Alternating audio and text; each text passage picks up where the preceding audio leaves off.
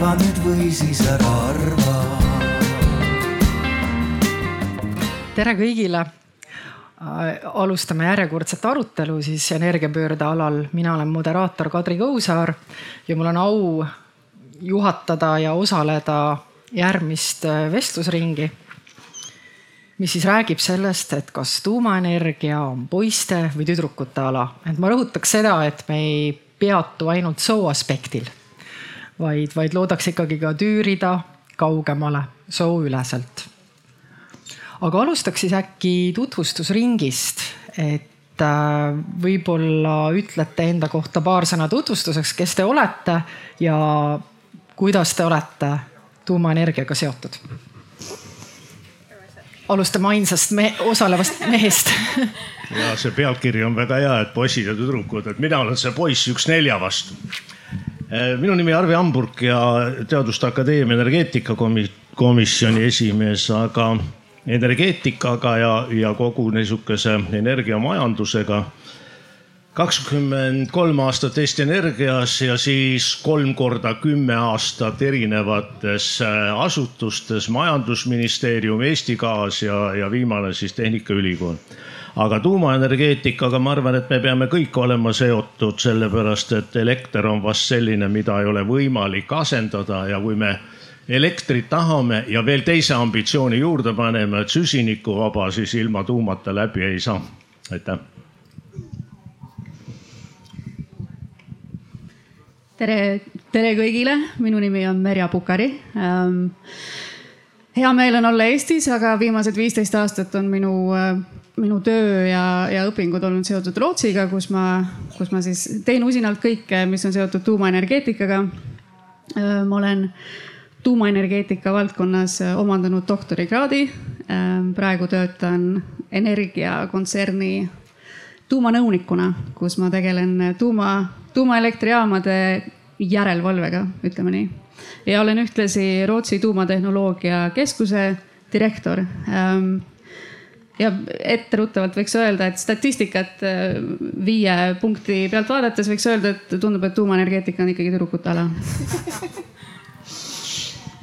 Äh, nii, tere, minu nimi on äh, Anett-Mari Paumets ja mina olen siis Tehnikaülikooli elektroenergeetika ja mehhatroonika tudeng. Olen ka Eesti tuumanoorte juhatuse liige ja, ja töötan ka poole koormusega Fermi Energias tehnilise koordinaatorina, et sealt siis see minu äh, kokkupuude tuumateemaga ongi tere, mina olen Maie Vahtse Eesti Teadusagentuurist ja ma teen kohe hea nalja ära, et ma olen kõige tuumakaugem inimene tänases ringis. küll aga äh, tegelen ma Teadusagentuuris noortele suunatud teaduskommunikatsiooniga äh, ja üleüldse teaduskommunikatsiooniga laiemalt äh,. samas on mul tegelikult loodusteadustes kraad nii et äh, sellist äh, tehnoloogia inseneerialast teadmist mul veidi on küll bioteadustes, aga mm, teise kraadiga ma olen sotsiaalteaduste valdkonnas, nii et kui ma nüüd ühe ingliskeelse hea tsitaadi panen eesti keelde, siis ma olen killuke, parim killuke mõlemast maailmast. vähemalt ma tahaks nii arvata. no super. Fermi Energia on viimasel ajal tellinud uuringuid, et palju inimesi toetab tuumaenergiat. järk-järgult on see number kasvanud, mis on rõõmustav. aga käärid tulevad sisse selles, et naisi ikkagi proportsionaalselt toetab tuumaenergiat vähem. miks te arvate, miks see nii on? mida teie arvate? Ähm, soojallid äh, ja siin on kohe minu Äh, lemmikteema äh, ja analüüs, millega me tegelikult ise tööalaselt ka hästi palju kokku puutume.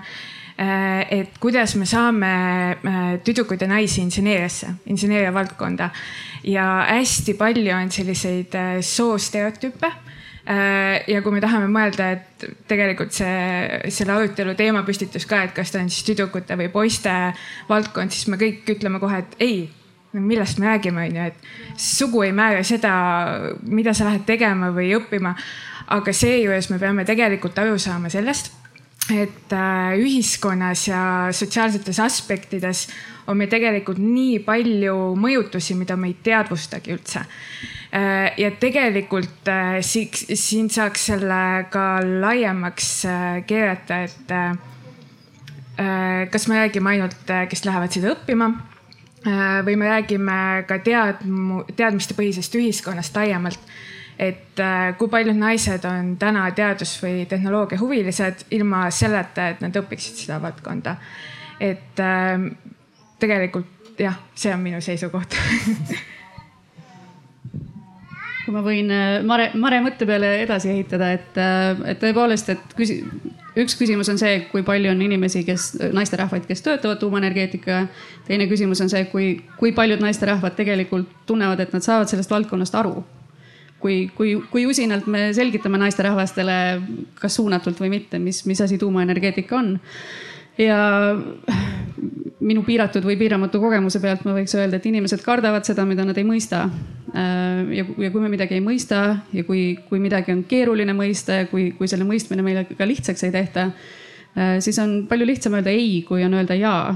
Äh, eriti kui, kui tulevad muud faktorid sisse nagu meil on vaja kaitsta enda perekonda, meil on vaja kaitsta enda kodu kõikvõimalike väliste negatiivsete tegurite eest, et kui, kui kõik, kui kogu see kaitsemehhanismi sõnum istub peas tugevamini kui, kui teavitustöö, mis asi tuumaenergeetika on, siis on väga-väga lihtne on, on öelda ei.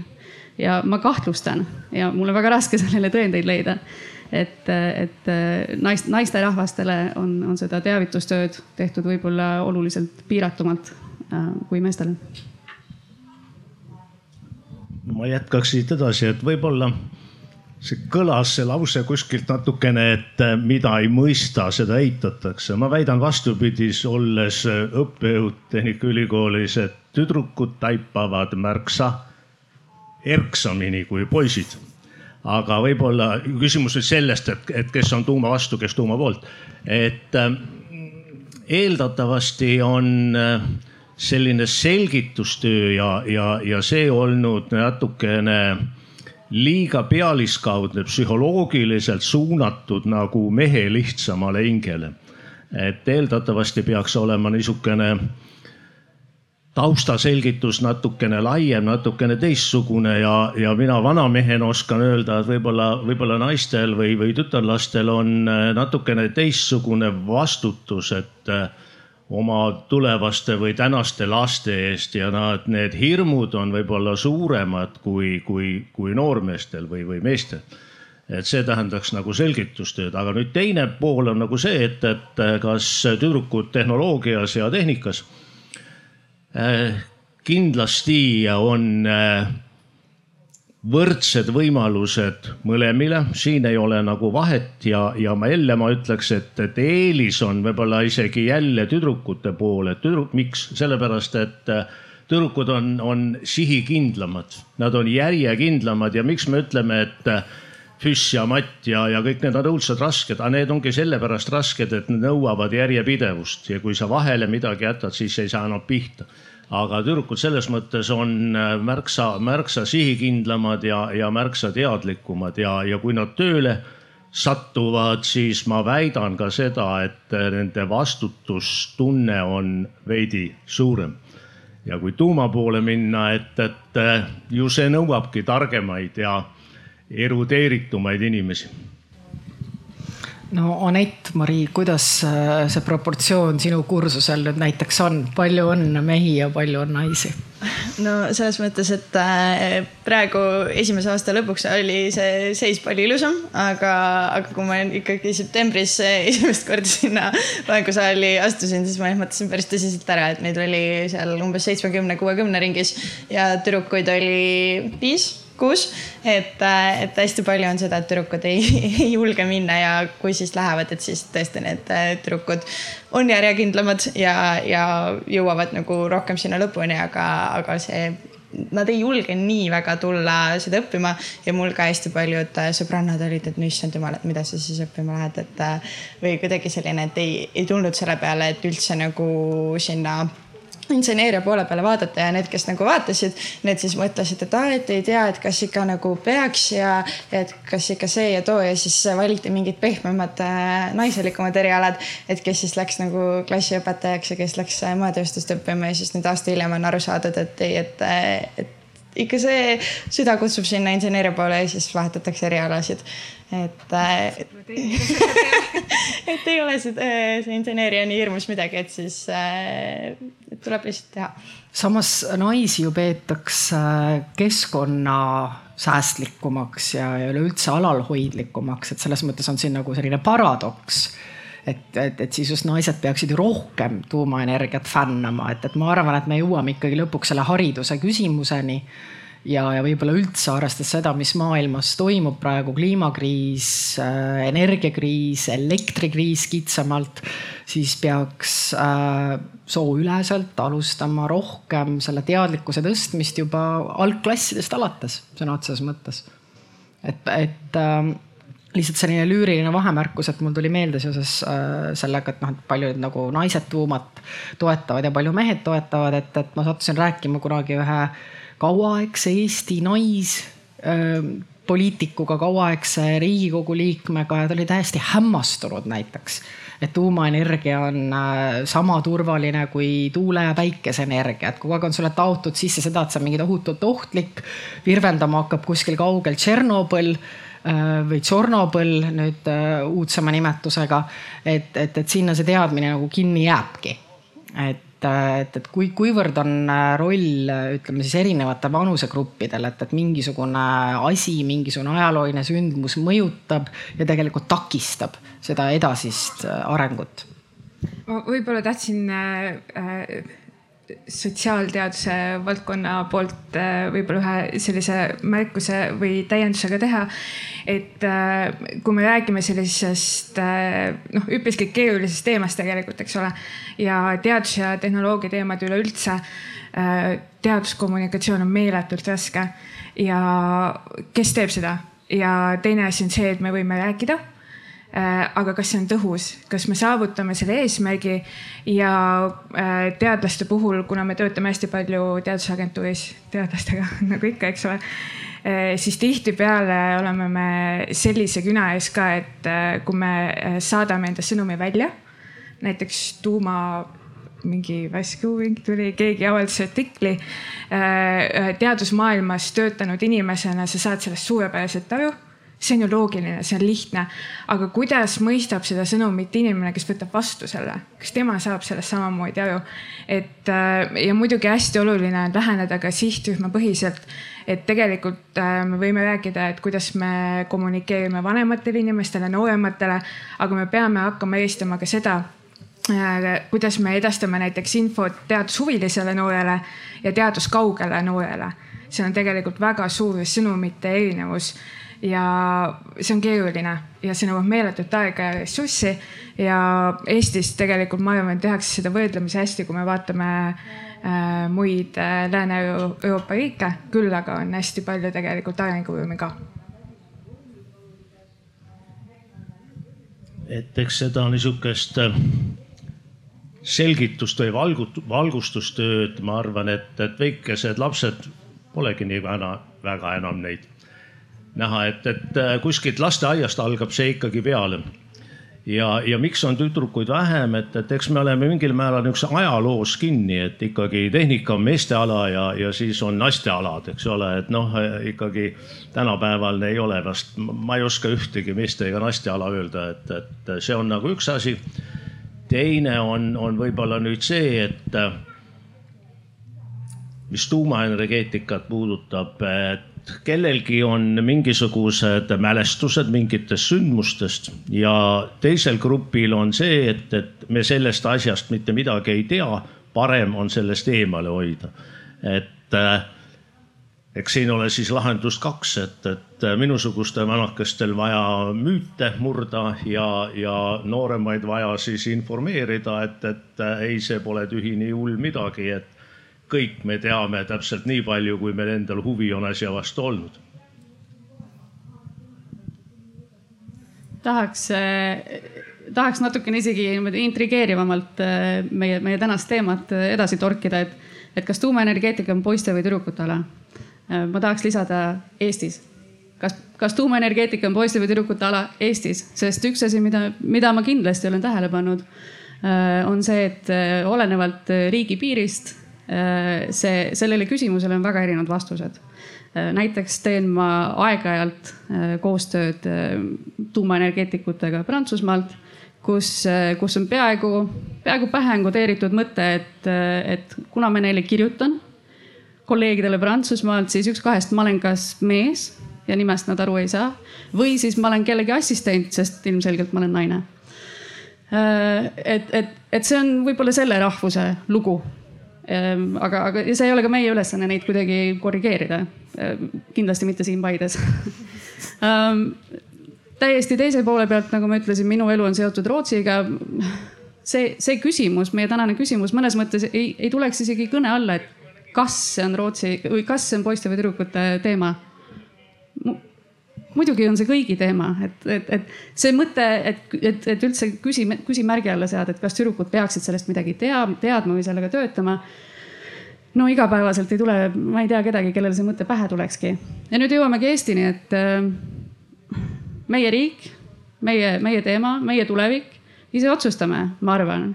ja tegelikult otsustab igaüks meist äh,, otsustab enda jaoks, aga otsustab me, mehi laste, meie sõprade jaoks, oleneb, mis, mis signaale me välja saadame.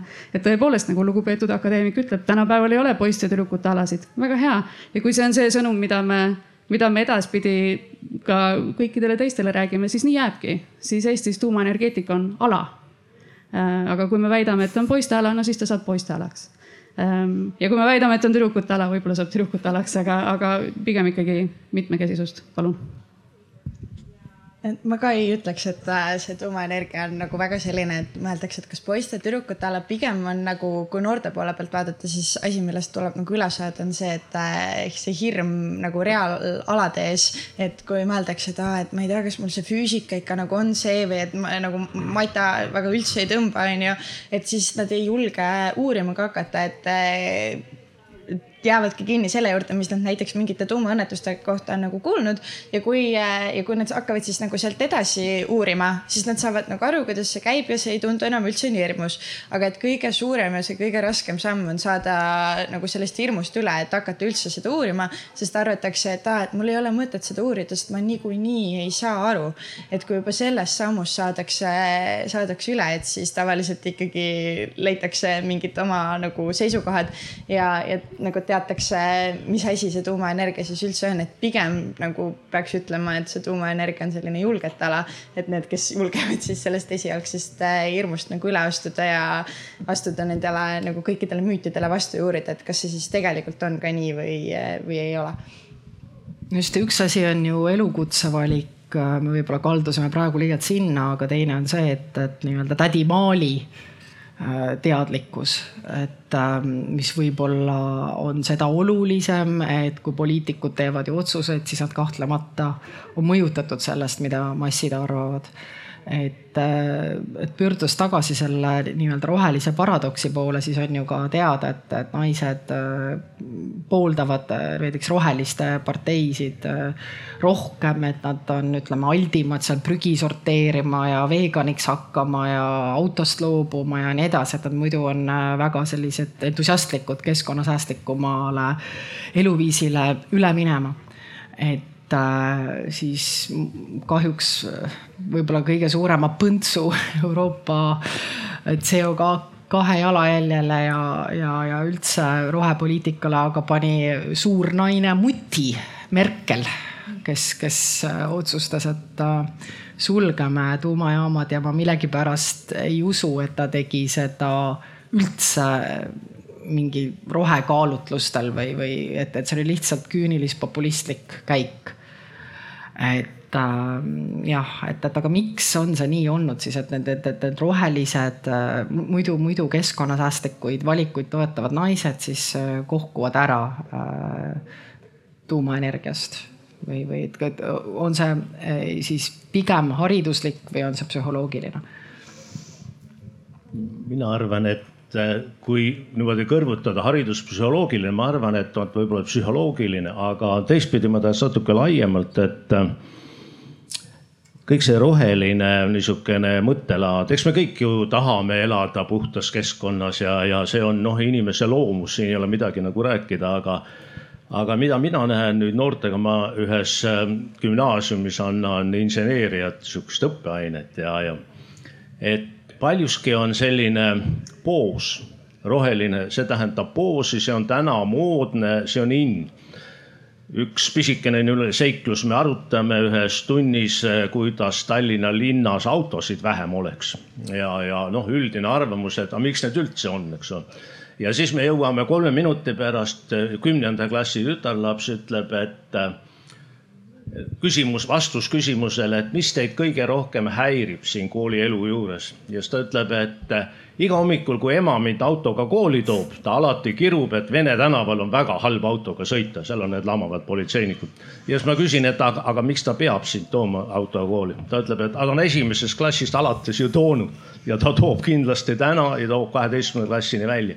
et enne me rääkisime, et, et autod on vanakuradist, eks ole et üks on niisugune mm, tegelik vastutus, mis ütleme, kui ka elukutse valikul on noorte ees vastutus, et mida ma tegelikult tahan ära teha. kas ma tahan lendoravaid jälgida või ma tahan ka midagi tehnolo- ja kõik me teame, et tehnoloogiad parandavad maailma. kas ma tahan midagi ka ära teha, kas ma olen selleks valmis, olen selleks suuteline, oleks, olen ma nõus panustama et võib-olla sellist vastutustunnet, see ei käi nüüd ma ei oska siin erinevust näha poisssüdrukute vahel, aga üleüldse noortes, et selline vastutustunnet võiks, võiks olla rohkem, vähem sellist eufooriat, kaasaminekut ja kõige halvem on, et mitte lasta ennast ära kasutada kellelgi. mingit, minu lapselaps käis Toompeal loosungiga põlevkivitööstus lõpetada ma küsisin, et aga miks sa läksid, sa tead, mis põlevkivi on, ei tea. aga miks sa läksid? aga sellepärast, et õpetaja ütles ja kõik läksime, seal oli jube kihvt oli. et noh, vot sellist jube kihvti asja peaks natukene tegema sisulisemaks. tahaks, tahaks kohe sõnasabast kinni võtta, et äh, me ei, me ei tohi lasta ennast ära kasutada um, ma arvan, et see on väga hea tähelepanek, sest ma kahtlustan, et meid tegelikult kasutatakse väga tihti ära ja nüüd tõesti, kui mitte keskenduda naised, naised või mehed tuumaenergeetikas, vaid tuumaenergeetika üldiselt. Ehm, see on selline asi, mis, mis, mis kütab kirgi. Ehm, ja seda on, seda on väga lihtne on, on olla poolt või vastu, eks ole ja ma kahtlustan, et poliitikud kasutavad, poliitikud kasutavad väga tihti tuumaenergeetikat ära kui, kui, kui sellist teemat, millega saab kirgi kütta, millega saab poolthääli, vastuhääli nad ju tavaliselt ei taha. et me, me võib-olla ei pane tähelegi, et, et me, me langeme ohvriks äh, nendes diskussioonides. sest jällegi, kui äh,, kui vaadata seda, seda, kuidas on toetus äh, tuumaenergeetikale ja tõesti vabandan, et Rootsit liiga tihti võib-olla välja toon, aga, aga sealt on mu kogemused pärit, et kui vaadata rootslaste tuumaenergeetika toetust, nad ehitasid kümme jaama kümne aasta jooksul, alustasid äh, niimoodi seitsmekümnendatel, kaheksakümnendatel ehitasid. ja alates sellest ajast on kogu aeg jälgitud, kuidas näeb ähm, ühiskonna toetus tuumaenergeetikale välja ja ilmselgelt äh, Tšornobõli ja Fukushima äh, õnnetused tekitasid seal äh, mingisuguseid selliseid koha, kohalikke virvendusi. aga, aga lõppkokkuvõttes on see toetus olnud täiesti stabiil, suhteliselt stabiilne, pigem ajas kasvav ja viimasel ajal eriti usinalt paranev trend. ja toetus on olnud alati üle poole elanikkonnast. ja see ei ole üldse see pilt mille, mille võiks saada siis, kui lugeda päevalehti. sest päevalehtedes tundub, et see on, on, on, on metsikult palju, on, on, on inimesi, kes on tugevalt poolt, tugevalt vastu, jube catch käib kogu aeg, eks ole, et. et ja, ja küsimus on, kus, kust see info meediasse tekib ähm, ja, ja kes on need sõnavõtjad ja, ja kust, kust tekib selline pilt, et, et käib pidevalt mingi tugev argumentatsioon ja pigem negatiivne hoiang tuumaenergi-, tuumaenergeetika suhtes, sest see lihtsalt ei vasta tõele Ehm, aga, aga just seda kuvandit on, on väga lihtne tegelikult mõjutada ja muuta. Ehm, ja, ja vastuseks ka Kadri, sinu küsimusele varemalt, et kas tegu on, et, et kui, kui me otsustame tuumaenergeetika vastu, et kas tegu on psühholoogiaga või, või, või puuduliku haridusteega võib-olla. siis kui me võtame Angela, võtame, võtame nagu ähm, haridust on tal küll, ta on doktorikraad füüsikas just. isegi vist. just, et, et seda ma tahtsingi öelda, et, et aa, keemias, aga abikaasa oli füüsikas, ta, ta ütles, et ta väidetavalt jõudis tuumaenergia vastase otsuseni abikaasaga koos veini juues ja abikaasal on doktorikraad füüsikas. nii et kahe peale kokku päris äge tandem just, et ja, ja väga tugev tandem, eks ole, et, et kes ometigi võiks toetuda faktidele. aga ju siis poliitiku karjäär on siiski kaalub või vajadus poliitiku karjääri järele võib-olla siis kaalub üle teaduslikud faktid. no vot, see oligi minu jaoks äh, tegelikult, kui ma seda lugesin, seda tausta oli tegelikult šokeeriv, et isegi teaduskraadiga inimene lihtsalt tegelikult ei tee seda, mis oleks tema maale kasulikum vaid ta lihtsalt teeb küünilise poliitilise otsuse, kuna tal oli tol hetkel vaja roheliste toetust ja rohelised Saksamaal on ajalooliselt olnud tuumaenergia vastased, et see sai alguse, see tuumavastasus sellest, et oldi tuumapommide vastased, mis on täiesti arusaadav, aga ta millegipärast laienes siis äh, üldse tuumaenergia vastaseks, et praegu ongi neil selline murdekoht, et nüüd on neil nagu põhimõtteliselt identiteet murdunud või murdumas, sest et äh, ei saa, ei saadud panna nüüd tuumaenergiat äh, kokku äh, klapita, sellepärast et äh, nagu me teame, siis Ukraina sõja tõttu on gaasitarned raskustes ja, ja üldse out, nii et iga megavatt loeb, võiks nii väita, et ei saa normaalset tuumajaama kinni panna ja see on suur probleem majandusministrile seal, kes on roheline. et jah, aga äkki publiku hulgas on mingisuguseid äh, küsimusi, kommentaare? minul on nagu sihuke küsimus, et äh, kas me räägime järgmine aasta ka tuumaenergeetikast, äh, kui näiteks Zaporožjes nüüd juhtub midagi? mis seal ikka juhtub? mis seal Zaporožjes praegu toimub? mineeritud. reaktorid ära mineerinud, lubavad õhku lasta.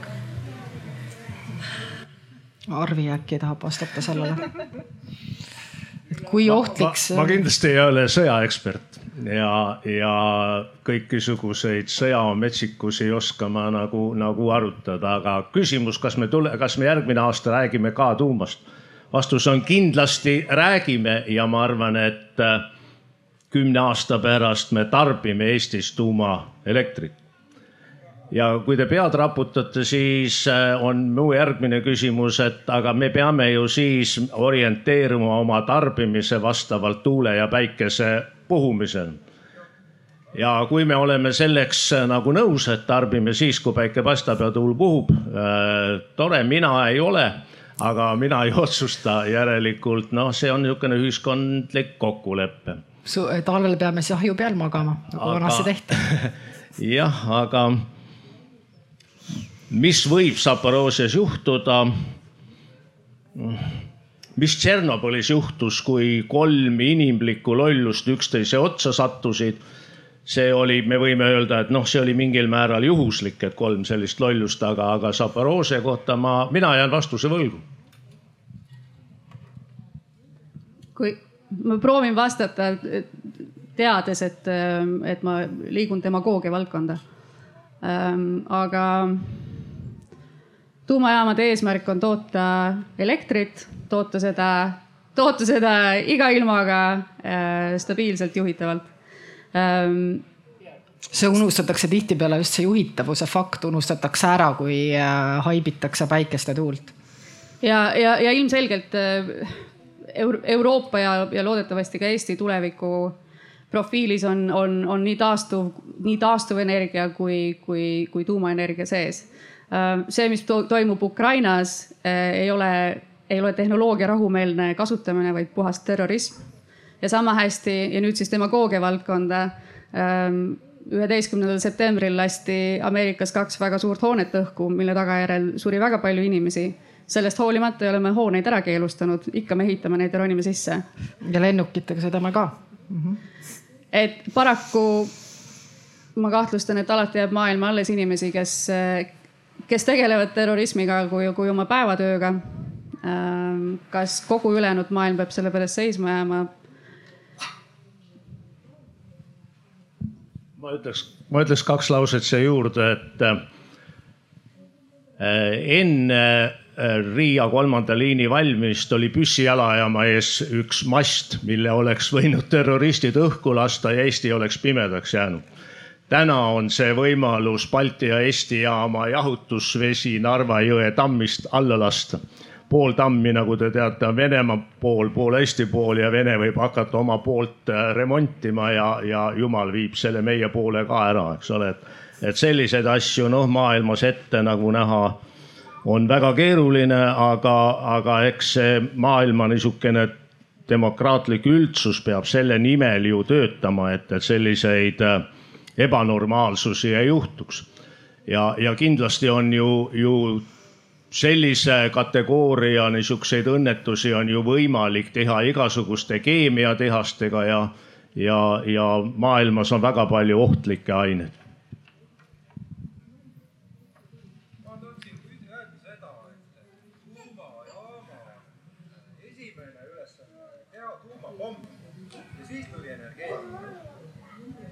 Need ei olnud ka tihtipeale ühes kohas minu arust äkki seletad, äkki seletad? uue tehnoloogia kasutuselevõtt eeldab tehnoloogia taset kogu ühiskonnas. ja kuidas õpe, õpita ja õpetatakse Eestis füüsikat, see on nüüd rohkem palagani teema. tuumafüüsikat, kas loetakse kursus Tehnikaülikoolis ja pool kursust Tartu Ülikoolis. ja sellest tasemest ei piisa. kogu ühiskonna tehnoloogi, arusaam tehnoloogiast ja tehnoloogiline arengutase on madal, ülimalt madal. ja sellepärast on uue tehnoloogia kasutamine, tuumaenergia kasutamine ohtlik. see, see viib konflikti. Nii, võrreldes Rootsit, jah, seal on füüsikatase teine võrreldes Ukrainat on tõesti ime, et Tšernobõlis see pauk toimus, sest Ukraina füüsikatase on väga kõrge. ja et see oli seal võimalus, viitab, viitab hoopis muudele asjaoludele, arusaamisele tehnoloogiast.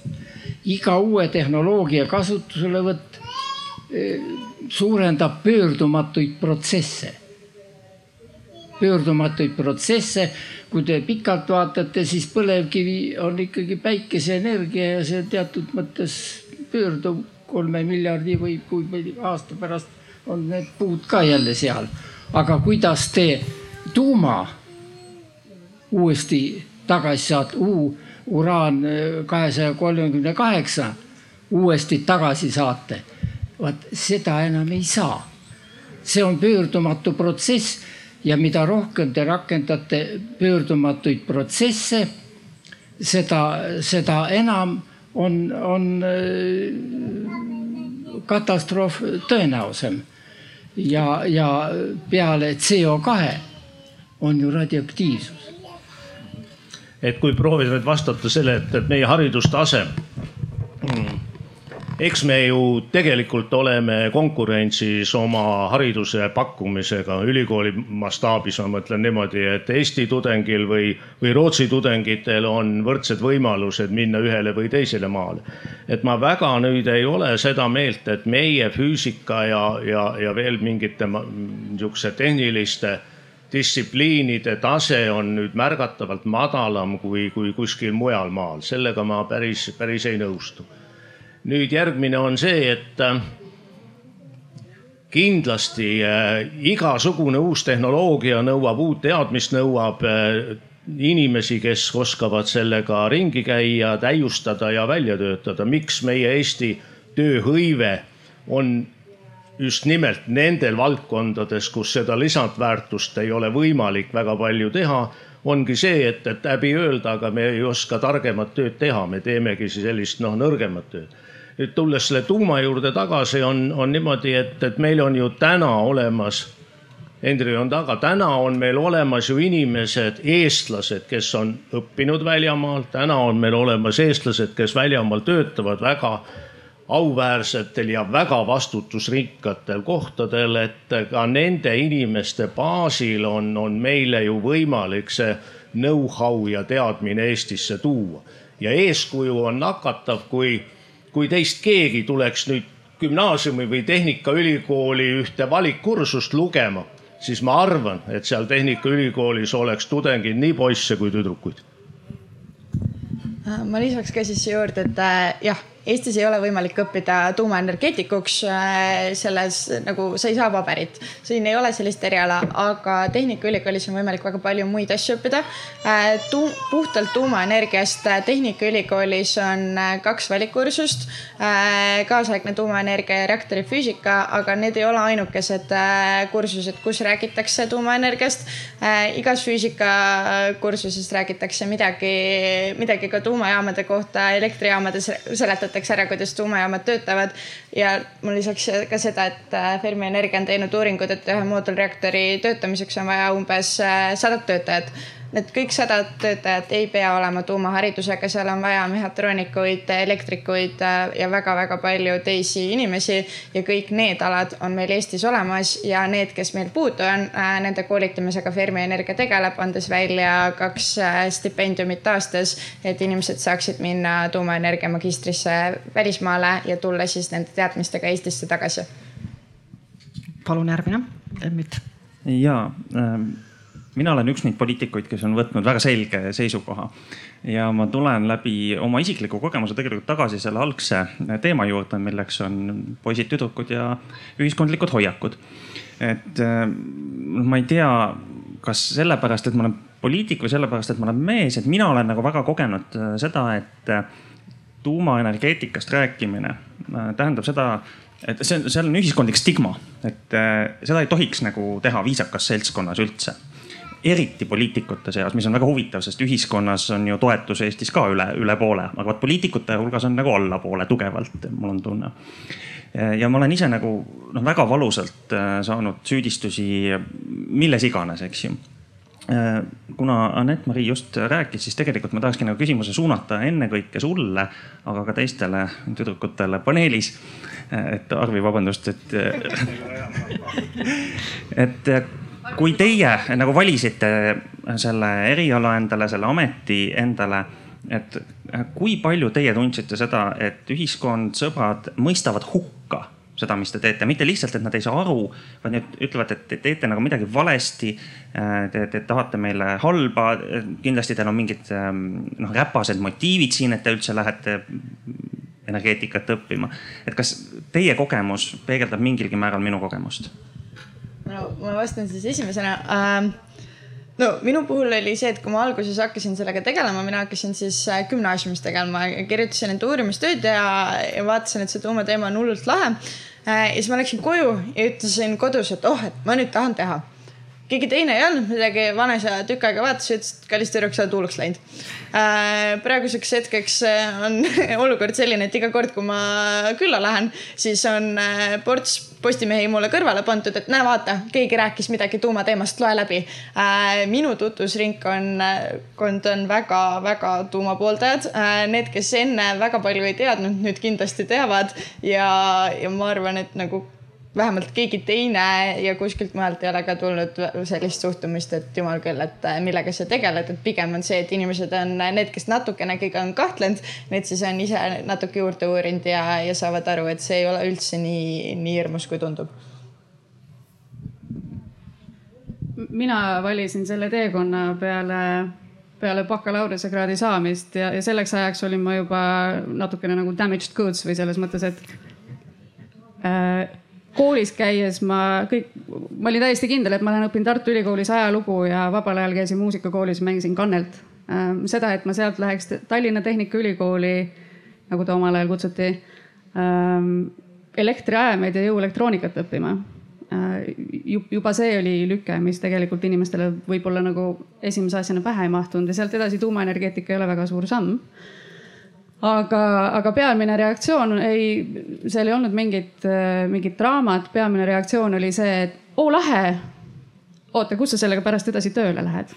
ja siit võib-olla tagasi ka eelmise küsimuse juurde, et, et, et kas, kas, kas me saame, kas me saame ette valmistada piisavalt palju inimesi õige, õige pädevusega, et, et töötada tuumaenergeetika valdkonnas ja ma tahaks öelda, et tark ei torma mõnes mõttes, et, et, et siin, siin me nüüd oleme nii mõnedki, kellel on vastav pädevus olemas ja, ja ongi küsimus, kus me selle tööga läheme. ega ma nalja pärast Rootsis ei ole, Eestis ju jaama veel ei ole võib-olla äh, ma küll ei ole, ma täpsustan, mina ei ole õppinud energeetikat ega tuumat, küll aga õppisin mina geenitehnoloogiat äh,. ja ma töötasin geenmuundatud organismidega mis minu meelest paljudele kõlab niimoodi, et äh, sa teed uut koroona nagu viirust kuskil laboris on ju, midagi juhtub ja nüüd on globaalne pandeemia lahti, mis tegelikult äh, reaalsus oli väga kaugel sellest.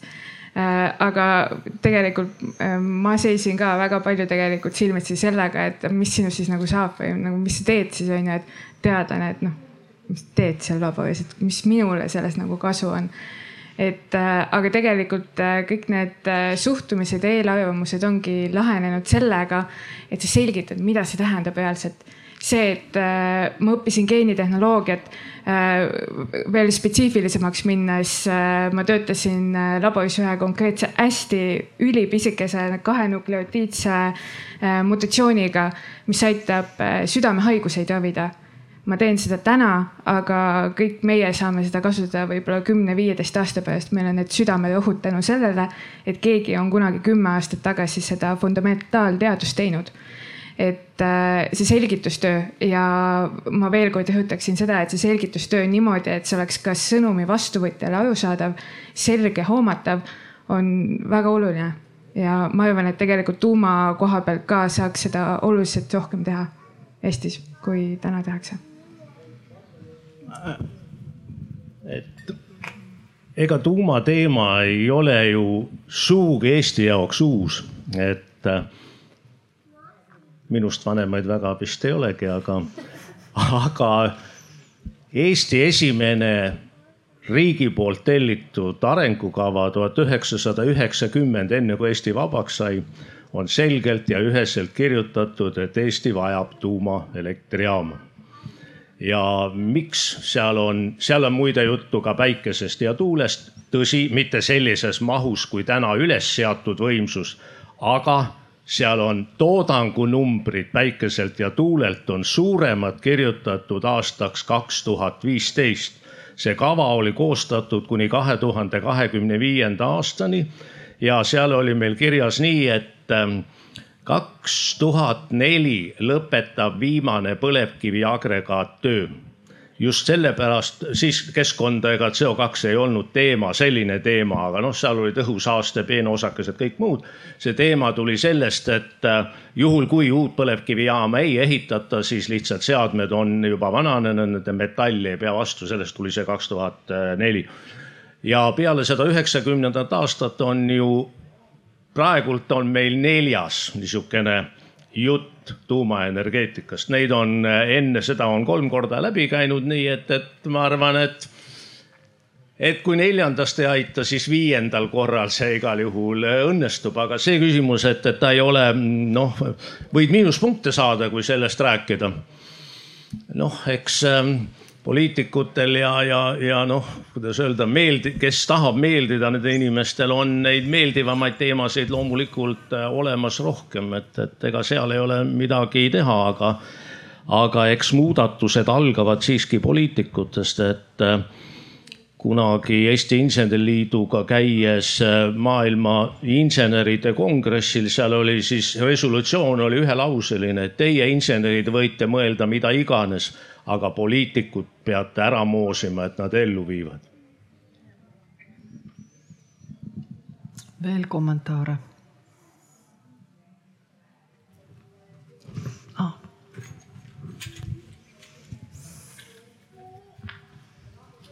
tere, minu nimi on Kalev. Et ähm, äh, üks selline ka nagu natukene keeruline teema nagu kus vähe, kus ei ole väga palju naisi, on äh, ma tutvustan oma pojale kogu aeg ja tütrele ka, et äh, inimesed käisid kuu peal ja nii edasi, aga siis naised ei ole kuu peal käinud. et, äh, et Apollo programm oli ka nagu rohkem nagu sihuke meeste teema, et kuigi kosmoses on naisi käinud ja, ja Challenger idel ja nendel süstikutel ja nüüd ka, kui nüüd viimased lennud on olnud nii-öelda kommertslennud nii SpaceX'i kui ka Virgin'i poolt on, on, on kindlad naised pardal. aga noh, ka kosmonautika tundub nagu üksjagu naiste teema et kuigi me, mis, mis meil Eestis on nagu hästi, on see, et ja ma arvan, et see iga teema puhul ongi äh, Äh, päris oluline, et kes on see nagu, nagu üks oluline eeskõneleja, et kosmose teemal meil on väga tugev eeskõneleja olnud äh, kuulus äh, kosmosemutt kuidas ta, nagu ta ennast nimetab, Ene-Ergma. et, et, et see sõltub nendest kõneisikutest ka, et kui julgelt nagu keegi panelistid, mis te arvate sellest, et kes, kes sellest eeskõnelejast nagu sõltub palju või vähe? no kindlasti isiklik eeskuju ja, ja, ja sealt tulenevad teadmised on noh, hindamatud. Ja me kõik teame akadeemik Anto Raukast, kes, kelle teadmiste pagas geoloogina ja samal ajal olles siis ka füüsiku ja energeetikaga on, on hindamatu. nii et, et üks on see, et, et isiklikud eeskujud ja teine on ikkagi selline, et, et lihtsad arvud ja, ja lihtne niisugune matemaatika, kui meil augustis elekter maksab kolmsada kolmkümmend eurot megavatt-tund, siis küsimus, et äh, oleme siis kõik nagu rahul. eelmises paneelis me kuulsime, et me olemegi rahul ja, ja see on täitsa okei okay. aga ma arvan, et okei okay saavad öelda viis protsenti inimesi, kelle palk on kahekohaliste numbrite ja mitte kahe mitu nulli, kolme nulliga, eks ole, saab palk olla, nii et, et eks me peame mõtlema sellele ja energia, elekter on kõigi võimalike protsesside sisend. nii et selliste eeskujude nii inimeste kui ka tegevate seadmete, nende seadmete tehnilise seisu ja väljundina, milline see elektri hind ja elektri niisugune noh, kvaliteet või, või, või, või püsivus, varustuskindlus on, see on, on kindlasti üks, üks, üks oluline faktor, mis annab rohkem selgust kõigile. Kalev, aitäh sulle selle küsimuse eest. ma hea meelega räägiks eeskujudest. kõigepealt ma pahandaks äh, meie naistega, sest meil on äh, või minul vähemalt, ma räägin enda eest, äh, on, on komme võtta seisukoht, ah, mis nüüd mina. Et kui keegi tuleks, ütleks mulle, et ma olen kellegi eeskuju, siis minu, minu reaktsioon ilmselt sellele oleks, mis, mis, mis nüüd mina. Ähm, nii et me, me võtame me, me kuidagi vähendame iseenda tähtsust, sest, sest ma karv-, ma kahtlustan, et väga-väga paljud naised on, on teistele naistele mingil, mingis mõttes mingis kohas eeskujuks. aga me kuidagi ei, ei, ei, me ei, me ei võta seda tunnustust omaks, ma arvan ja samamoodi mina olen öelnud enda, enda eeskujudele, kes, kes on minu eeskujud, et nad on eeskujud ja selle peale tuleb selline, ah, mis nüüd mina. et ma arvan, et me võiksime selle tegemise ära lõpetada, et saada aru, et äh, ei, ei pea olema Ameerika president selleks, et olla eeskuju, et eeskujuks võib olla ka palju, palju, palju, palju, palju teistsugustel tasanditel. et see nii, nii palju siis nagu avalikest eeskujudest. ja teine asi, mis ma arvan, mida me tähele ei pane, on, on, kes on meie, meie varjatud eeskujud sest kui, ma arvan, et ükskõik kes meist, et kui, kui, kui te istuksite intervjuu laua taga ja keegi küsiks, et kes on olnud teie elus eeskujud, siis vastus tuleks noh, vanemad, vanavanemad, äh, õpetajad võib-olla on saatnud mingeid sõnumeid, mis on head või halvad. Need on inimesed meie lähedal, kes saadavad meile hommikust õhtuni mingeid signaale ehm, ja siis ongi küsimus, et äh, kui tuumaenergeetika poiste või tüdrukute ala, et mis, äh, mis, mis sõnumeid me saadame enda lastele, enda sõpradele et, et äh, kui te istute enda, enda lastega kodus ja, ja räägite omavahel ja näiteks meesterahvas ütleb, et oh, jälle on elektrihinnad on kallid. et kas, kas meie kui naisterahvad ütleme, ah, mina ei jaga sellest mitte midagi, ma ei tea sellest midagi, see ei ole minu asi. või mõtlete, miks nad kallid on? jah, et kas, kas ja, ja mis, mis sõnumi me, me enesele võib-olla teadvustamata saadame, saadame nende, nendele pisikestele kõrvadele silmadele, kes istuvad sealsamas toas, kes istuvad meiega aastaid samas toas Äh, et võib-olla muidu, muidugi on karjääri mõttes ja, ja teerajajatena neid suuri eeskujusid väga vaja, muidugi on. aga, aga me teeme kodus ka väga-väga suure töö ära ja, ja seda siis kas positiivses või negatiivses su suunas, nii et me sellest endale tegelikult aru ei anna Äh, ma siin vastaks küsimusele hästi lihtsalt, et jah, eeskujusid on vaja. Äh, ja minu üks eeskuju istub siin kõrval. Äh, mul on palju lihtsam mul on palju lihtsam minna ja teha kõiki neid asju, mida mina teen, kui Merje on nagu ees läinud ja ees teinud. ja mul on nagu vaadata, et kuidas ja vahepeal, kui on raske, siis helistada või rääkida, et kuule, et ma, ma enam ei jõua. et vahepeal on äh, hästi lihtne nagu öelda, et ja, et me oleme siin, et ja, et me, naised võivad teha ja mehed võivad teha, aga nagu lõppude lõpuks on see ikkagi energeetika päeva lõpuks meeste maailm ja vahepeal läheb nagu hästi raskeks. ja siis on äh, vaja mingeid eeskujusid või tugesid, kellele siis äh, toetada, et palju lihtsam on äh, minul ülikoolis ka, kui mul on kõrval kursuajad, kellega seda koos läbi teha. kui see, et ma oleks seal üksinda, et ma arvan, et kui ma oleks üksinda ainuke tüdruk selle kursuse peale, siis ma oleks poole peal alla andnud. et, et eeskujud on hästi olulised ja hästi oluline on olla olemas nendele, kes sinu ümber on et, kindlasti kodus lastele öelda, et, et nad suudavad kõike, et siis nad lähevad ja teevad ka kõike äh, ma tooksin siia juurde veel sellise huvitava mõtte või asja, mille üle ma olen ise korduvalt mõelnud. Äh, karjäärivalikuid tehakse suuremas osas vanuses kaksteist kuni kakskümmend ja selles vanuses ma muidugi ei tea, sest mul lapsi ei ole, aga ma kujutan ette, et sellises vanuses lapsed väga ei taha nagu vanemaid kuulata, et ma ei tea, ma olen targem ja sõbrad räägivad. aga siit edasi võiks nagu mõelda selles suunas, et kui palju te teate selliseid influencer eid, sotsiaalmeedias tegele, tegelevaid äh, noori kes võtavad üksteist äh, eeskujuks, vaatavad, et ah, Roosa Banaanike pani täna endale uued kunstküüned, issand kui vinge aga need on tegelikult äh, inimesed, kellele need noored vaatavad äh, mõnes mõttes alt üles ja nende jaoks sel hetkel on sellised inimesed väga suureks eeskujuks. aga kui palju on teadusmaailmas selliseid äh, noori influencer eid või mõjuisikuid? noh, mina ei tea, võib-olla keegi teab, Oreo küpsis oli koroonapandeemia ajal väga kõva tegija ja tegelikult andis väga hea panuse teaduskommunikatsiooni Tiktokis ähm, ja ma tahtsin välja tuua, et seda ka, et äh, väga palju tööd on tegelikult Eestis ära tehtud äh, noorte teadusvõistlusega Rakett kuuskümmend üheksa, mis tegelikult on suurepärane näide sellest, kuidas viia teadus noorteni äh, teha see selgeks, arusaadavaks, nad suudavad suhestuda, nad vaatavad, et oh, minu kooli inimene on seal ja see paneb teda edasi vaatama, edasi uurima. ja tegelikult selleks, et me saaksime neid noori mõjutada, ongi vaja äh, teadustehnoloogia inseneeria neile võimalikult lähedale viia, teha äh, see selliseks, et nad saavad sellest aru äh, ja nad suhestuvad sellega. ja teine asi, mis ma tahtsin välja tuua, mis tegelikult peaks olema järelkasvu mõttes väga suur murekoht, millega tuleb hakata kiiresti-kiiresti tegutsema, on õpetajad tegelikult et äh, väga paljud inimesed valivad paratamatult enda eriala selle järgi, et mul oli selle valdkonna väga hea õpetaja tegelikult mu isiklik kogemus on ka see, et ma tegelikult enne olin ka ajaloolane, ma olin väga suur ajaloo äh, fänn äh,. ja mu gümnaasiumisse juhtus tulemas suurepärane bioloogiaõpetaja ja päevapealt mu nagu ambitsioon tulevase karjääri osas muutus. aga kui me vaatame täna õpetajate palku, vabandust, aga piinlik on et äh, noh, ja me, see ei aita, et me heietame ja räägime sellest probleemist, meil on vaja tegutsema hakata, muidu meil ei ole neid inimesi, kes läheksid äh, mitte ainult tehnoloogiat ja teadust õppima, aga samamoodi tegelikult tuumat ka.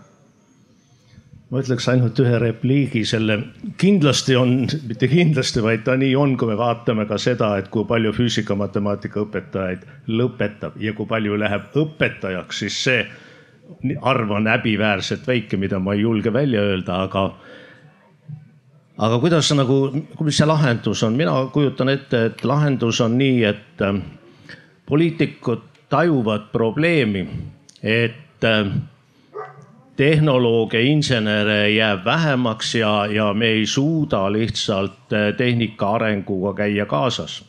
see puudutab ka tuuma, aga kõiki teisi valdkondi teiseks on see, et ettevõtjad saavad aru, et äh, konkureerides ja üle ostes või üles ostes neid spetsialiste, kes veel koolis käivad või on kuskile mujale töö läinud, et see ei ole lahendus. ja koolitajad, need peaksid ka aru saama, et konkureerida Tartu, Tallinna ja veel mõne välja, välismaa ülikooli vahel, et endale tudengid saada pearaha et see ei ole jätkusuutlik tegevus, see tähendaks nagu seda, et, et me kolm osapoolt saavad kokku ja kõik panustavad. Ja nüüd see panustamine on, on see, et meie insenerid, meie spetsialistid, me ei saa võtta endale täiskohta füüsika või, või matemaatika õpetajaks, aga me peame käima vähemalt viis korda või iga kuu vähemalt peab käima koolis, gümnaasiumis rääkimas ja veel parem, kui me saame võtta kuskilt konkreetsest oma kodu või töökoha lähedasest või sellest gümnaasiumist, mille me lõpetanud oleme, saame võtta mingi valikaine ja seda valikainet äh, läbi viia. see on sama vastus, et, et eeskuju, see, see noor inimene, kes seal pingis istub äh, teda huvitab see, et, et kes seal ees on, mis ta on teinud, mitte see nii väga, mida ta räägib, aga kes ta tegelikult on ja mida ta on teinud, et see niisugune et spetsialistide, see kooli tagasi on niisugune loosung, ma ei taha seda loosungit öelda, aga, aga, aga inseneril pole mõtet täna tööle minna, kui ta teab seda, et temaga järeltulijatel ei, ei ole aastate pärast, et, et see iga, igaühe esmane ülesanne peab olema ka järelkasvu kasvatamine.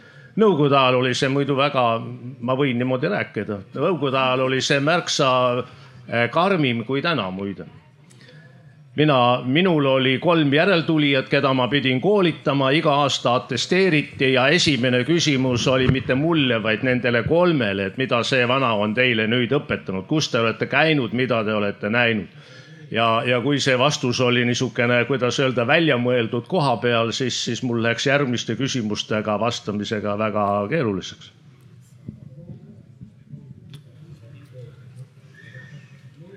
nii, et tegelikult äh, enne kui ma selle, või noh, ma küsisin selle mikrofoni, see jutt hakkas juba pärast seda ise sinna suunas minema, mis ma tahtsin. aga ma tahtsingi nagu rääkida veel sellest, et kui need eeskujud need õpetajad et enne seda, kui ta läheb kuskile ülikooli, kas ta saab õppida seda tuumaenergeetikat seal või mitte. et see gümnaasium ja see põhikooli lõpp, kui tuleb siis seitsmendas, kaheksandas klassis see füüsika, et võib-olla see on kõige tähtsam. Et äh, mina mäletan, et minul oli ka matemaatikaõpetaja väga hea, väga tubli, seletas mulle nii hästi kõike ja sealt ma tuligi mõte, et äkki ma tahaks matemaatikaõpetaja olla tulevikus. Aga selline hästi öö, otsene küsimus, et öö, miks meil siis ei ole füüsikas tundides nii palju juttu siis tuumaenergeetikast. kas ongi see, et meil on õpetajad, kes peavad olema füüsikaõpetajad, matemaatikaõpetajad ja andma veel mingit kolmandat ainet hetkel? Või siis lihtsalt jah, et miks see ei ole siis meil rohkem kavas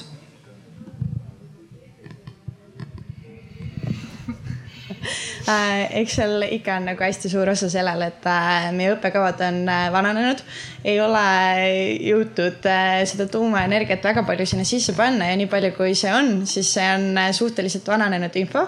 et sellega nagu proovitakse tegeleda, aga, aga noh, see riiklik õppekava on selline, nagu see on, et siis Fermi Energia on hästi toredalt võtnud endale eesmärgiks noorte koolitamised, käiakse nagu koolides rääkimas ja ja noortele tuleb rääkida seda, mis äh, päriselt toimub, et seda tuumaenergia, see, ma arvan, et see, see osa, mis tuumaenergiast nagu koolis on, et see on umbes samasuguse reaktori kohta, nagu seal äh, Tšernobõlis oli. et äh, tehnoloogia on kõvasti nagu edasi arenenud, aga kui õpetajatest rääkida, siis kindlasti on probleem selles, et ei ole nagu piisavalt füüsikaõpetajaid.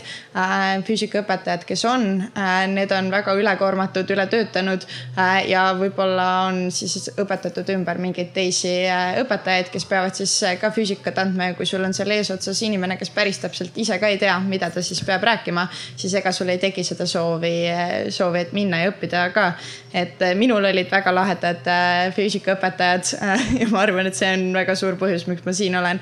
ja, ja ma olen kohtunud ka väga lahedate füüsikaõpetajatega ja siis tulevad sealt sellised noored, kes on niimoodi, et ma nüüd käisin seal või mulle räägiti seda, et, et seda on nagu kohe näha, kui kui on eesotsas olnud nagu hea õpetaja, aga nende heade õpetajate leidmisega on äh, väga suur probleem. et äh, ma arvan tõesti, et kui see palk oleks natuke parem, et siis oleks see protsent ka parem, palju siis äh, lähevad õpetajaks õppima ja paljud neid pärast sealt päriselt kooli tööle lähevad jah, et ähm, eks see vastus ole sama et ega me vist ei saa küsida niimoodi, et miks teil on halvasti ja, ja miks koolid ei koolita õpetajaid edasi, et eks see meie ühine probleem või ühine mure, et, et et meil õpetajaid üldse vähe ja õpetaja elukutse ei ole noh, kuidas öelda, piisava niisuguse prestiižiga, et eks me ise oleme need kujundajad, kes seda prestiiži peavad kujundama. ja teiseks on see, et kõrgkoolides on ju nõndanimetatud õppekavade või programminõukogud, et kui meil on täna mõnes õppekavas on, on mingisugused vananenud tavad, siis iga ettevõtja on teretulnud sinna programminõukogusse oma soovi ja oma mõtteid väljendama, see tähendab, kas kirjutama või, või kohale tulema, nii et, et need on Tehnikaülikooli kodulehel noh kindlasti olemas. Ja viimane repliik see, et, et eks vajadus või ütleme, tuleviku perspektiiv tingib ju ka tegevuse. kümmekond jah, umbes võin isegi natuke rohkem kui, rohkem kui kümme, nüüd juba pea viisteist aastat tagasi me ju tegime ühe sihukese õppekava, mis oli tuumaenergeetika Tartu ja, ja, ja Tallinna Tehnikaülikooli ühine kava. Aga siis HTM-i pealik ütles seda, et me mitte elus ja mitte kunagi ei tee Eestisse tuumajaama, järelikult seda õpet ja sellist äh, koormust ei ole vaja teha. Eks see aeg ole, noh, kõik asjad käivad ju tsükliliselt, eks ole, eks see tsükkel ole nüüd täis saanud ja, ja, ja kindlasti on selline Tartu füüsikateadmiste ärakasutamine ja Tallinna Tehnikaülikooli tehniline potentsiaal, niisugune ühisõppekava kindlasti on vaja ja ma olen optimist ja arvan, et kuskil kahe aasta pärast kindlasti selline ametlik õppekava on olemas, aga et ametlik õppekava saaks olema, kordan vist juba kolmandat korda, et tulge kooli ja, ja rääkige ja, ja, ja selgitage oma tööd ja olge eeskujuks. ma korra lihtsalt ütlen vahele, tahtmata kuidagi suunata, aga eh, hetkel skoor publikust arvamuste osas on eh, viis-null poiste kasuks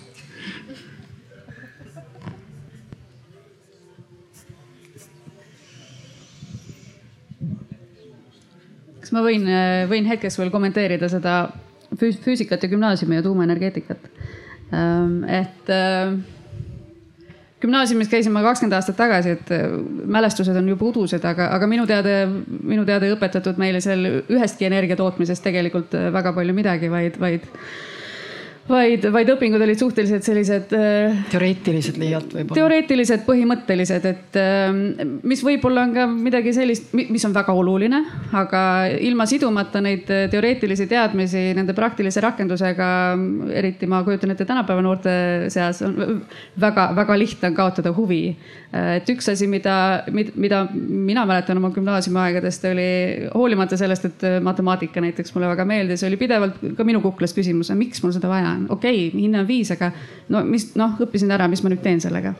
et füüsika, füüsikas tegelikult ju samamoodi, et, et just, just see side teoreetilise õpituga ja, ja kus ma seda kasutama lähen? Nii, nii gümnaasiumis kui ka, kui ka tegelikult, kui ka tegelikult ülikoolis, et õppisin Kirchhoffi esimese ja teise seaduse ära ja kuidas nendega mat matemaatilisi ülesandeid lahendada, suurepärane. Äh, kuidas see mul aitab parem elektriinsener olla, seda ma kunagi nagu selgeks ei saanudki. Ma jälle omalt poolt jälle lisan äh, lisa, lisa äh, sõnavõtule. äh, tegelikult mina näiteks usun, et koolidel on neid võimalusi tegelikult üpriski palju. ja kui me vaatame suuri ülikooli, siis täna on tegelikult väga paljude erialade juures tudengiorganisatsioonid, kes käivad seda kõige uuemat tehnoloogiat ja teadust koolides selgitamas täiesti tasuta Äh, ja on ka väga palju häid näiteid sellest, kuidas koolid ja ettevõtted teevad omavahel koostööd. Ettevõtted näiteks äh, Ida-Virumaal äh, meie teadusagentuuri tööst on väga häid näiteid sellest, kuidas kohalik ettevõte näeb, et tal on see vajadus tuleviku tööjõu osas. ja nad lähevad juba gümnaasiumi astmes kooli Äh, tehakse kas valikkursus, äh, malevad, ekskursioonid, et see kohalik ettevõte tegelikult äh, panustab väga aktiivselt sellesse, et haridus oleks kvaliteetne. et see õpilane näeks, miks tal on seda füüsikat vaja ja matemaatikat vaja. Neid võimalusi on veel rohkem, aga lõppkokkuvõttes jääb selle taha kinni, et kas õpetajal on endal seda aega, energiat, tahtmist teha ja see õpetaja peab olema motiveeritud, et ta kirjutaks sellele ettevõttele või äh, ülikoolile, et äh, kas te saaksite nagu loengut tegema tulla. ja kuidas saab olla õpetaja motiveeritud? see on selline hea võtmeküsimus kindlasti. Ah, sealt tuleb veel vist üks kommentaar tere, minu nimi on Allan. et eh, mina väga julgustan tüdrukuid ja naisterahvaid eh, tuumaenergeetikaga tegelema. et eh, mul sõber töötab praegu Soomes tuumajaamas ja, ja ta ütleb, et tuuma, noh, nii-öelda tuumaelektrijaam on kui üks suur perekond ja, ja et ta seostab alati seda, et see reaktor ise on meesterahvas ja, ja need jõud, mis juhivad seda reaktorit, on nagu naisterahvad, see on nagu perekond, et eh, mees on pea ja naine on see nähtamatu, kes seda pead keerab kogu aeg.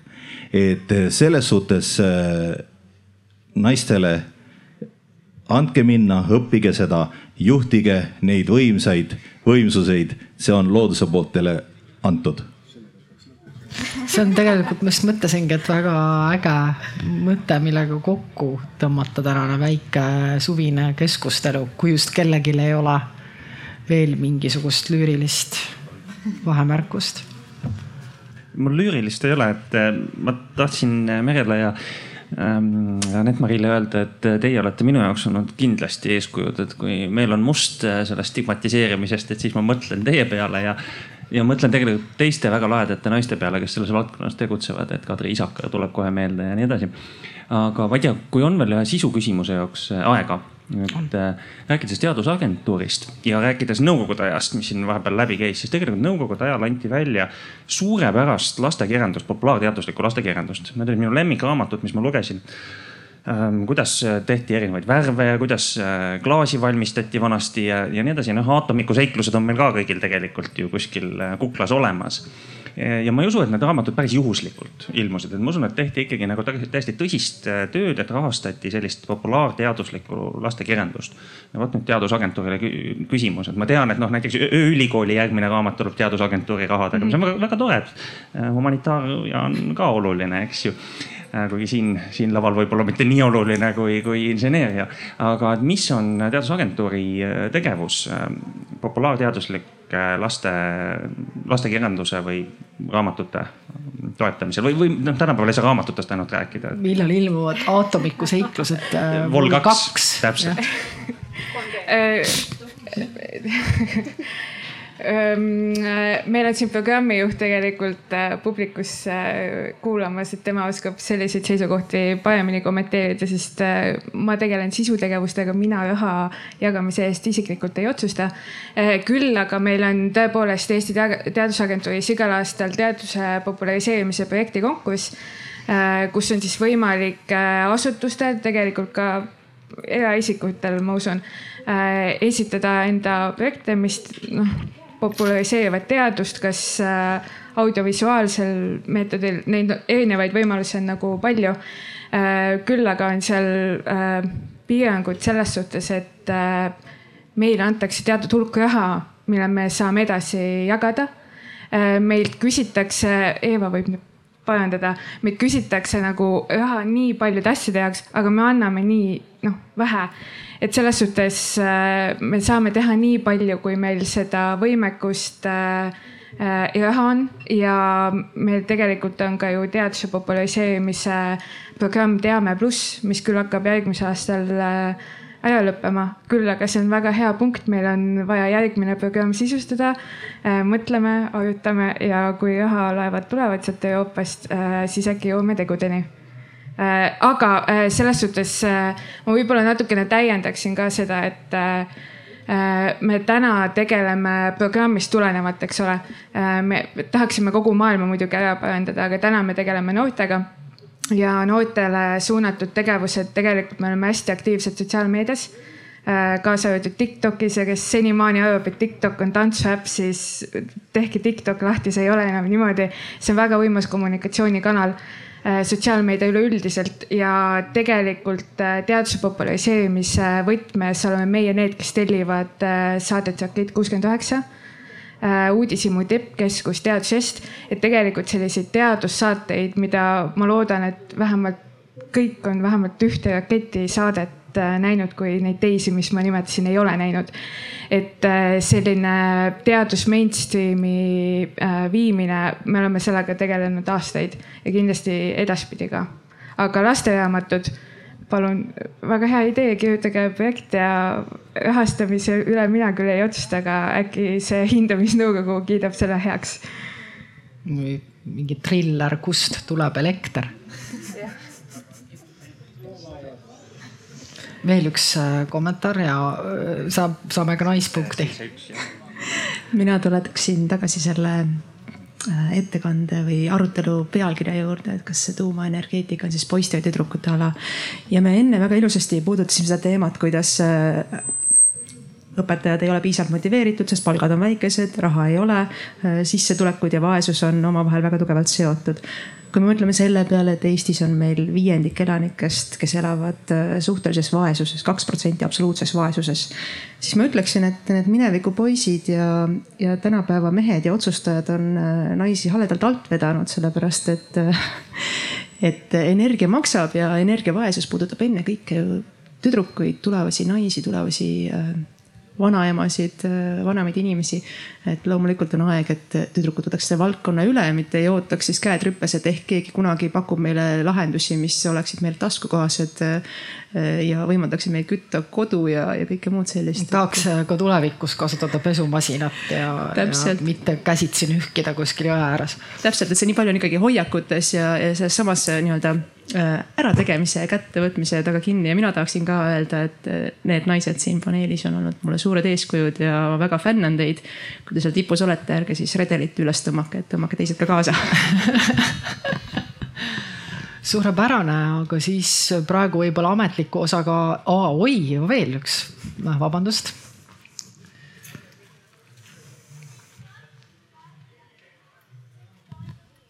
Et võib-olla tere, mina olen Marika. aga võib-olla selle eelmise kommentaari või siis jah, kiidusõnade jätkuks küsikski teilt, et äkki teil on mingisuguseid soovitusi just tüdrukutele, kes tahavad seda teekonda ette võtta. ja seda julgustükki siis, nagu te juba ka mainisite. et minna sinna praegu meeste poolt vallutatud sektorisse